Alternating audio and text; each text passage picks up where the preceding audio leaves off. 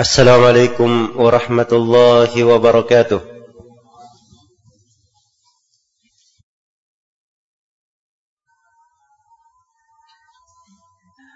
الحمد لله الذي جعل الليل والنهار خلفة لمن أراد أن يتذكر أو أراد شكورا ووفق من شاء من عباده للطاعات والأعمال الصالحات. وكان سعيهم مشكورا. أشهد أن لا إله إلا الله وحده لا شريك له. له الحمد له الملك وله الحمد. إليه المنتهى. وأنه هو أضحك وأبكى وكان على كل شيء قديرا. وأشهد أن محمدا عبده ورسوله. خير من قام وصام وثبت واستقام. بعثه الله بين يدي الساعة بشيرا ونذيرا ودائيا إلى الله بإذنه وسراجا منيرا صلى الله عليه وعلى آله وأصحابه وسلم تسليما كثيرا أما بعد. معاشر المسلمين جمع جمعة رحمني ورحمكم الله. diriwayatkan oleh Imam Al-Bukhari di dalam Al-Adab Al-Mufrad Ibnu Khuzaimah dan Ibnu Hibban. Dari Abu Hurairah radhiyallahu taala anhu. Beliau bertutur anna Rasulullah sallallahu alaihi wasallam raqal mimbar qala amin amin amin sungguhnya Rasulullah sallallahu alaihi wasallam pernah naik ke mimbar Lalu beliau berkata amin. Ya Allah kabulkanlah. Amin. Amin. Tiga kali. Kila lahu. Ya Rasulullah. Ma kunta tasna'u hadha. Maka dikatakan kepada beliau wahai Rasulullah. Engkau sebelumnya belum pernah melakukan yang seperti ini. Maka beliau menjawab. Qala li Jibril Sesungguhnya Jibril berkata kepadaku Ragima anfu abdin adrakahu abawahu au ahaduhuma falam yudkhilhul jannah Celakalah seorang hamba yang didapati oleh kedua orang tuanya atau salah satu dari keduanya kemudian ia tidak dimasukkan ke dalam sorga. Qultu amin. Maka kata Nabi, saya pun berucap amin. Semoga Allah mengabulkan. Kemudian Jibril berkata, Ragima anfu abadin, dakhala alaihi Ramadan, falam yughfarlah. Celakalah seorang hamba yang Ramadan masuk kepadanya, kemudian tidak diampuni untuknya. Qultu amin. Maka kata Nabi, saya pun mengucapkan amin. Ya Allah kabulkanlah. Kemudian kata Jibril, Ragima anfu abadin, Dukirta indahu falam yusalli alaika. Celakalah seorang hamba, yang namamu disebut di sisinya, kemudian dia tidak berselawat kepadamu. Maka Nabi bersabda, Qultu amin, saya pun berkata amin, Ya Allah kabulkanlah. Juga diriwayatkan oleh Imam Tirmidzi dan Ibnu Hibban dari Abu Hurairah radhiyallahu taala anhu dengan lafaz yang lain Rasulullah sallallahu alaihi wasallam bersabda Ragima anfu rajulin dukirta in dukirtu indahu falam yusalli alayya wa ragima anfu rajulin dakhala alayhi ramadan thumma qabla an yughfara lahu wa ragima anfu rajulin adraka indahu abawahul kibar falam yudkhilahul jannah celakalah seorang lelaki yang namaku disebut di sisinya lalu dia tidak berselawat kepadaku. Dan celakalah seorang lelaki yang Ramadan masuk kepadanya kemudian Ramadan berlalu sebelum diampuni dosanya. Dan celakalah seorang lelaki yang kedua orang tuanya dia mendapati kedua orang tuanya dalam keadaan tua lalu keduanya tidak memasukkannya ke dalam surga. Hadis yang agung ini terdapat di dalamnya peringatan. Peringatan yang sangat besar terhadap orang-orang yang berpuasa. Orang-orang yang masuk di dalam bulan Ramadan. Dan ia keluar dari bulan tersebut dalam keadaan tidak diampuni dosa-dosanya wal billah dan ini adalah orang yang sangat merugi orang yang sangat merugi dan kerugian memiliki tanda-tanda dari tanda-tanda kerugian tersebut adalah seorang yang masuk di dalam bulan Ramadan ini. Dia melaksanakan puasa, melaksanakan solat malam, tapi bukan karena keimanan dan mengharap pahala. Rasulullah sallallahu alaihi wasallam bersabda, "Man shama Ramadan imanan wa ihtisaban, ghufira lahu ma taqaddama min dhanbi." Siapa yang berpuasa Ramadan kerana keimanan dan mengharap pahala maka akan diampuni apa yang telah lalu dari dosanya demikian pula halnya dalam solat malam Nabi bersabda man qama ramadhana imanan wa ihtisaban ghufira lahu ma taqaddama min dhanbi. Siapa yang melakukan qiyamul lail kerana keimanan dan mengharap pahala maka diampuni apa yang telah lalu dari dosanya. Dan dalam hal lailatul qadr Man qama laylatal qadri imanan wa ihtisaban ghufira lahu ma taqaddama min dhanbi. Siapa yang qiyam di malam Lailatul Qadar karena keimanan dan mengharap pahala maka akan diampuni apa yang telah lalu dari dosanya. Hadis Abu Hurairah dalam tiga lafadznya semuanya dalam riwayat Bukhari dan Muslim. Ia melakukan puasa bukan karena keimanan. Bukan pula karena mengharap pahala. Ia berpuasa kerana ingin dilihat oleh manusia. Kebiasaan orang-orang berpuasa. Semua orang yang berada di rumahnya berpuasa. Tetangga dan kerabatnya berpuasa. Kawan-kawannya berpuasa. Dia tidak malu kalau tidak ber, dia malu kalau tidak berpuasa. Maka ini orang yang melakukan ibadah bukan kerana keimanan dan mengharap pahala dan sungguh kerugian untuknya karena amalan tidak diterima oleh Allah Subhanahu wa taala kecuali dengan keikhlasan wa qadimna ila ma amilu min amalin faj'alnahu haba'an manthura kami hadapi amalan yang mereka lakukan lalu kami jadikan amalannya bagikan debu yang berterbangan dan di antara bentuk kerugian di dalam bulan Ramadan adalah seorang yang tidak mengambil pelajaran dari bulan ini tidak memetik makna takwa di dalam kehidupannya. Tidak pula semakin mendekatkannya kepada Allah Subhanahu wa taala. Dan tidak pula dia berakhlak dengan akhlak orang-orang yang berpuasa, memiliki akhlak yang baik. Sebagaimana keumuman orang-orang yang berpuasa. Karena itu Rasulullah sallallahu alaihi wasallam bersabda di dalam hadis riwayat Bukhari menjelaskan kerugian yang seperti ini. Kata beliau, "Man lam yada qaul az-zuri wal amal bih, falaysa lillahi haja fi an yada'a ta'amahu wa sharabah." Siapa yang tidak meninggalkan ucapan palsu dan beramal dengannya, maka Allah tidak ada keperluan pada ia meninggalkan makanan dan meninggal dia meninggalkan makanan dan meninggalkan minumannya. Dan juga dari golongan yang merugi adalah mereka yang menghabiskan waktunya di bulan Ramadan ini dalam hal yang tidak ada manfaatnya menghabiskan kegiatannya dalam perkara yang tidak mendekatkannya kepada Allah Subhanahu wa taala. Padahal dia adalah bulan yang penuh dengan keberkahan makmur dengan kebaikan. Tapi dia tidak memperoleh hal tersebut di dalam bulan tersebut di dalam bulan Ramadan. Maka ini adalah sungguh kerugian bagi seorang hamba. Rasulullah sallallahu alaihi wasallam bersabda dalam hadis riwayat Imam Ahmad, "Rubba sha'imin hadduhu min siyamihi al-ju' wal atash." Kadang seorang yang berpuasa tidak ada bagian dari puasanya kecuali lapar dan dahaga saja. Wa rubba qa'imin hadduhu min qiyamihi as-sahar. Dan kadang seorang yang melakukan salat malam tidak ada bagiannya dari salat malamnya kecuali hanya sekadar begadang saja.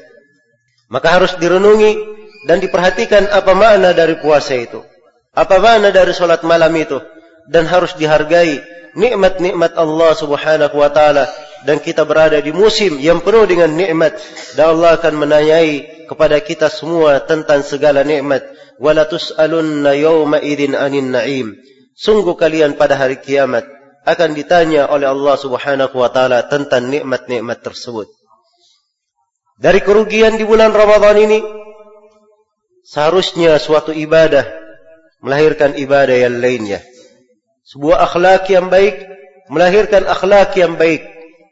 Tapi sebagian dari kaum muslimin ada yang berada di bulan Ramadhan masih menelantarkan salatnya, masih menelantarkan kewajiban-kewajibannya.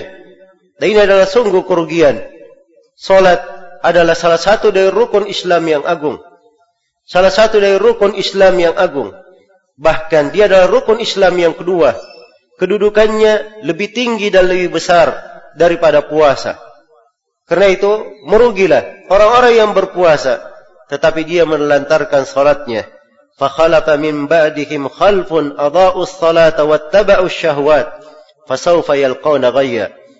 Maka datanglah orang-orang setelah mereka mereka menelantarkan salat dan mengikuti syahwat mereka maka mereka pasti akan mendapatkan al-ghayy. Dan al-ghayy ini ditafsirkan oleh sebagian ulama' adalah nama dari nama neraka jahannam waliyadu billah kemudian dari kerugian seorang yang berada di bulan ini ia tidak semakin dekat kepada Al-Quranul Karim tidak hatinya semakin dekat kepada Al-Quran kalaupun dia membaca Al-Quran kadang sebagian orang hanya membaca karena ikut melihat orang lain membaca. Kalau dia pun membaca, kadang sebagai rutinitas di bulan Ramadan. Tidak ada pengaruh di dalam jiwanya, kurang pengaruh di dalam dirinya. Kandungan yang dia dapatkan dari Al-Quran. Tidak membuatnya cinta kepada Al-Quran, cinta kepada kalam Rabbnya. Dan mengagungkan Allah subhanahu wa ta'ala. Dan ini adalah kerugian bagi seorang hamba.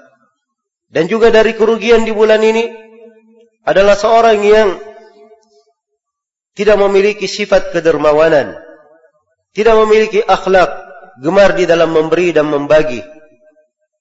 Ada kebakilan di dalam dirinya. Dan ini adalah sifat yang tercela bukan berasal dari pendidikan orang-orang yang berpuasa. Dan Allah Subhanahu wa taala telah mengingatkan dan menasihatkan Ha antum haulai tud'auna litunfiqu fi sabilillah faminkum may yabkhal wa may yabkhal fa inna ma an nafsihi Wallahul ghani wa antumul fuqara. Kalian semua diajak untuk berinfak di jalan Allah. Di antara kalian ada yang bakhil. Dan siapa yang bakhil, sesungguhnya dia berlaku bakhil untuk dirinya sendiri. Sesungguhnya Allah maha kaya. Dan kalianlah orang-orang yang fakir. Kalianlah orang-orang yang perlu kepada Allah subhanahu wa ta'ala. Dengan infak kalian dan kebaikan kalian, kalian perlu kepada Allah subhanahu wa ta'ala dan banyak lagi bentuk-bentuk kerugian yang kita saksikan dan kita lihat di bulan yang agung ini. Dan ini semuanya dari amalan-amalan yang hendaknya dihindari oleh setiap muslim dan muslimah di dalam bulan Ramadan. Kaum muslimin jemaah-jemaah rahimani wa rahimakumullah. Agar supaya seorang hamba terhindar dari kerugian maka hendaknya dia mengingat sejumlah perkara yang pertama saat ini kita berada di 10 malam terakhir. Di 10 hari terakhir di bulan Ramadan. Dan di 10 hari terakhir ini itu adalah waktu-waktu yang utama saat-saat yang mulia. Karena Ramadan akhirnya lebih utama daripada awalnya. Di akhirnya terdapat kebaikan bagi seorang hamba melebihi daripada awalnya. Karena itu, siapa yang ingin meraih keberuntungan di dalam bulan Ramadan, maka hendaknya dia gunakan 10 hari terakhir ini dengan baik. Di dalam hadis yang diriwayatkan oleh Imam Muslim, Rasulullah sallallahu alaihi wasallam atau Aisyah radhiyallahu taala anha bertutur, "Kana an-nabiy sallallahu alaihi wasallam yajtahidu fil ashr al-awakhir ma la yajtahidu fi ghairihi sesungguhnya nabi sallallahu alaihi wasallam bersungguh-sungguh melakukan ibadah di 10 malam terakhir kesungguhan yang tidak terjadi pada beliau pada hari-hari yang lainnya pada waktu-waktu yang lainnya. Dan juga di dalam hadis Aisyah yang diriwayatkan oleh Imam Al-Bukhari dan Imam Muslim beliau berkata idza dakhala al-ashru kana an-nabiy sallallahu alaihi wasallam idza dakhala al-ashru shadda mi'zara wa ahya lailahu wa ayqadha ahlah sesungguhnya Nabi sallallahu alaihi wasallam apabila 10 malam terakhir telah masuk maka beliau mengencangkan sarungnya. Beliau menghidupkan seluruh malamnya. Beliau menghidupkan seluruh malamnya. Dan beliau membangunkan keluarganya. Perhatikan bagaimana keadaan Rasulullah sallallahu alaihi wasallam di 10 hari terakhir ini. Beliau menggunakannya dengan baik. Memanfaatkan berbagai keutamaan yang Allah Subhanahu wa taala anugerahkan di bulan Ramadan tersebut di akhir dari bulan yang agung ini.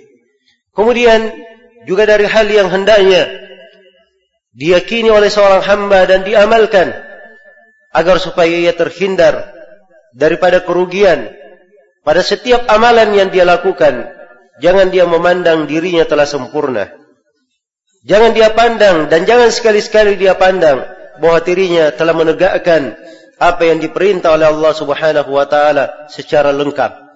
Hendaknya ia selalu melihat dirinya dengan pandangan bahwa dia adalah hamba yang penuh dengan kekurangan, banyak melakukan kelalaian.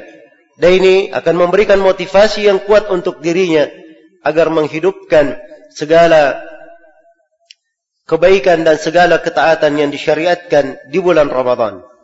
Kemudian dari hal yang menghindarkan seorang hamba dari kerugian adalah dia mendalami makna ibadah tersebut meresapi makna ibadah itu dan juga dia merasa lezat dengan ibadah tersebut. Ada perbedaan antara seorang yang beribadah dengan berat tapi dia tetap beribadah ikhlas dan ini adalah kebaikan. Dan seorang hamba yang lain dia beribadah tetapi hal yang berat di dalam ibadah itu tidak pernah dia permasalahkan. Dia merasa lezat dengan ibadah itu. Merasa tenang dengan ibadah. Saat berpuasa, kita melihat dari kaum muslimin, semuanya menahan. Di antara yang menahan, ada yang memang sangat berat bagi dirinya di dalam menahan. Tetapi dia ingin tetap melakukan ketaatan. Maka dia adalah seorang yang telah melakukan sebagai suatu kebaikan diharapkan untuknya pahala. Tapi ada golongan lebih baik daripada itu. Dia menahan, merasakan lapar dan dahaga sama seperti yang dirasakan oleh yang pertama. Tapi puasa itu dia nikmati. Dia merasa tenang dengannya, merasa lezat dengannya. Maka ini adalah kedudukan yang lebih tinggi. Demikian pula seorang yang melakukan solat malam. Dia ikut solat bersama imam. Kalau Nabi sallallahu alaihi wasallam beliau di 10 hari terakhir melakukan salat malam yang panjang. Di dalam sebagian riwayat beliau keluar mengimami para sahabat hingga berlalu sepertiga malam. Kemudian beliau keluar lagi hingga berlalu seperdua malam. Kemudian beliau keluar lagi dan mengimami para sahabat di sebagian malam dari semenjak Isya hingga mendekati fajar subuh sampai sebagian sahabat mengkhawatirkan akan luput makan sahur. Kalau beliau melakukan salat malam seperti ini, dan ada seorang muslim yang mengikutinya, kadang dia ingin melakukan sunnah, dia berat di dalam menjalankannya, dan ini adalah suatu hal yang baik. Tapi yang lebih baik daripada itu, adalah seorang yang letih di dalam sebuah ibadah, tapi keletihan tidak dia permasalahkan. Bahkan dia menikmati hal tersebut, dan merasa lezat dengannya. Dan inilah pokok hamba yang dekat kepada Allah Subhanahu wa taala dan betul-betul mengambil pelajaran dari bulan Ramadannya. Itu Rasulullah sallallahu alaihi wasallam dituturkan oleh Aisyah radhiyallahu taala anha bahwa beliau berdiri melakukan salat malam hatta tatafattara qadamah sampai kaki beliau pecah-pecah.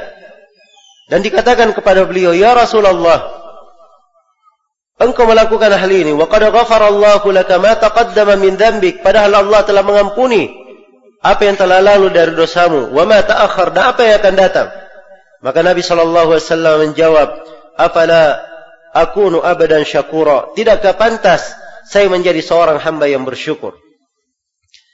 Kemudian dari keberuntungan yang hendaknya dihidupkan oleh seorang hamba di bulan Ramadan menghindarkannya dari kerugian. Masih tersisa beberapa hari di akhir Ramadan ini. Ada kesempatan-kesempatan untuk bertobat kepada Allah Subhanahu wa taala dengan tobat nasuha. Untuk kembali kepadanya dan merenungi akan hari-hari yang telah berlalu di dalam kehidupan kita. Muhasabah terhadap jiwa dan terhadap diri, terhadap segala amalan yang pernah dia lakukan. Agar supaya seorang hamba selalu memohon kepada Rabbnya, selalu berharap kepadanya pengampunan dan dibebaskan dari api neraka. Dan juga dari amalan keberuntungan di akhir bulan ini akan datang nanti syariat zakat. Zakat fitri terhadap setiap orang yang mendapati bulan Ramadan dan dia memiliki kemampuan dan memenuhi syarat di dalam mengeluarkannya. Maka zakat fitri itu adalah hal yang mensucikan jiwa, menggugurkan dosa dan dia adalah suatu kewajiban untuk pemberian makan terhadap fakir miskin sebagai lambang kesyukuran terhadap seorang hamba sebagai lambang kesyukuran bagi seorang hamba kerana ia telah menjalankan puasa yang diperintah oleh Allah Subhanahu wa taala. Maka mari kita manfaatkan dan kita gunakan hari-hari yang tersisa dari bulan Ramadan ini untuk meraih keberuntungan dan jangan sampai kita tergolong kepada orang-orang yang digolongkan sebagai orang-orang yang merugi. Barakallahu li wa lakum fil Qur'anil azim wa iyyakum bima fihi minal ayati wadh-dhikril hakim. وتقبل الله مني ومنكم تلاوته. إنه هو السميع العليم. الحمد لله على إحسانه والشكر له على توفيقه وامتنانه. أشهد أن لا إله إلا الله وحده لا شريك له تعظيما لشانه. وأشهد أن محمدا عبده ورسوله. الدائي إلى رضوانه صلى الله عليه وعلى آله وأصحابه وإخوانه وسلم تسليما كثيرا أما بعد معاشر المسلمين جمع جمعة رحمني ورحمكم الله tidak terasa kita berada di akhir Ramadan yang sebelumnya kita bergembira dengan kedatangan Ramadan hari-hari terus bergulir masa berjalan dengan sangat cepat tidak ada yang bisa menahannya. Hari-hari yang telah berlalu sudah tercatat dalam lembaran-lembaran kehidupan kita yang sudah tersimpan dan yang akan dihisap pada hari kiamat. Yang akan kita saksikan di dalam lembaran-lembaran tersebut. Kalau kebaikan, kita akan bergembira dengannya. Kalau kejelekan, maka kita pula yang akan menanggungnya. Allah Subhanahu wa taala berfirman dalam hadis qudsi, "Ya ibadi, innama hiya a'malukum wafikum uhsiha lakum thumma uwaffikum iyyaha. Faman wajada khairan falyahmadillah, wa man wajada ghaira dhalika fala yalumanna illa nafsa." Wahai hamba-hambaku, sesungguhnya itu adalah amalan-amalan kalian sendiri. Aku catat dengan detailnya. Kemudian aku akan sempurnakan pembalasannya untuk kalian. Siapa yang mendapatkan kebaikan, hendaknya dia memuji Allah. Dan siapa yang mendapatkan selain daripada itu, jangan sekali-sekali dia mencela kecuali dirinya sendiri. Iya, dia hanya patut mencela dirinya yang melantarkan kebaikan, melantarkan amalan salih. Jalan petunjuk telah diterangkan, jalan kesesatan telah diingatkan. Kalau ada penelantaran, maka itu asalnya dari diri dia sendiri. Man amila salihan fali nafsihi, asa'a fa alaiha. Siapa yang beramal salih, maka itu untuk dirinya sendiri. Dan siapa yang berbuat jelek dia sendiri yang akan menanggungnya. Kemudian ingatlah bahawa sebagaimana hari-hari yang berjalan dengan segera dan bulan Ramadan yang akan berakhir demikianlah demikianlah kehidupan. Kehidupan pasti ada akhirnya. Kehidupan setiap manusia ada batasnya. Ajal adalah ketentuan. Allah Subhanahu wa taala berfirman kullu nafsin da'iqatul maut thumma ilaina turja'un setiap jiwa akan merasakan kematian kemudian kalian semua akan kembali kepada kami dan Allah Subhanahu wa taala berfirman Aynama takunu yudrikkumul maut walau kuntum fi burujin musyayyadah. Dimanapun kalian berada, kalian akan didapati oleh kematian walaupun kalian berada di benteng yang sangat kokoh. Dan Allah Subhanahu wa taala mengingatkan, likulli ummatin ajal, idza jaa ajaluhum fala yastakhiruna sa'atan wala yastaqdimun. Setiap umat ada ajalnya. Apabila ajal itu telah datang, tidak bisa diakhirkan dan tidak bisa dimundurkan. Dan Allah Subhanahu wa taala berfirman, "Walikulli ajalin kitab." Dan setiap ajal sudah ada ketentuan yang menentukannya. Iya, hari-hari kehidupan ini hendaknya kita ambil pelajaran darinya. Kita mengambil dari renungan-renungan yang mengantar kita kepada kebaikan. Yuqallibullahu al-laila wan-nahar. Inna fi dzalika la'ibratan liulil absar. Allah membolak-balikkan siang dan malam, malam dan siang. Sesungguhnya di dalam hal tersebut terdapat ibrah, terdapat renungan bagi orang-orang yang memiliki pandangan hati. Karena itu perhatikanlah dari hari-hari kehidupan ini, manfaatkanlah dari kehidupan ini dengan hal yang baik dan kita berada di musim yang indah, musim yang penuh dengan berkah. Mari kita memohon kepada Allah Subhanahu wa taala, beribadah kepadanya, bermunajat kepadanya, bersimpu di hadapannya dan selalu mengharap kepada Allah Subhanahu wa taala harapan-harapan dan beramal dengan amalan-amalan yang mendekatkan kita kepada surganya. Dan ingat bahawa setiap amalan yang menentukan adalah akhirnya dan penutupannya. Rasulullah sallallahu alaihi wasallam bersabda, "Wa innamal a'malu bil khawatim." Sesungguhnya amalan-amalan itu tergantung kepada penutupannya. Maka mari kita tutup bulan Ramadan ini dengan ibadah-ibadah yang agung dan pendekatan diri kepadanya dengan pengharapan yang sangat kuat dan mari kita tutup bulan Ramadan ini dengan rasa takut, rasa khasyah yang menjauhkan kita dari dosa dan maksiat. Dengan harapan yang menyebabkan kita bergegas untuk melaksanakan ketaatan untuk meraih surga Allah Subhanahu wa taala maka tutuplah bulan Ramadan ini dengan kebaikan sehingga kita semua berada di atas hal yang dicintai oleh Allah Subhanahu wa taala. Semoga Allah Subhanahu wa taala menerima seluruh amalan kita di bulan Ramadan ini, menerima puasa kita, menerima salat kita, menerima sedekah kita dan menerima amalan kebaikan yang kita lakukan di bulan ini. Dan semoga Allah Subhanahu wa taala menggolongkan kita semua kepada hamba-hambanya yang beruntung menjauhkan kita semua dari kerugian. Dan semoga Allah Subhanahu wa taala mengampuni segala dosa dan kesalahan kita membebaskan leher-leher kita semua dari api neraka. Dan semoga Allah Subhanahu wa taala mengampuni orang tua kita dan memberikan taufik kepada keluarga dan keturunan kita kepada jalan yang lurus. Innahu waliyyu dzalika wal qadiru alaih subhanakallahumma wa bihamdik. Asyhadu an la ilaha illa anta. Astaghfiruka wa atubu ilaik. Subhana rabbika rabbil izzati amma yasifun. Wa salamun alal mursalin. Walhamdulillahi rabbil alamin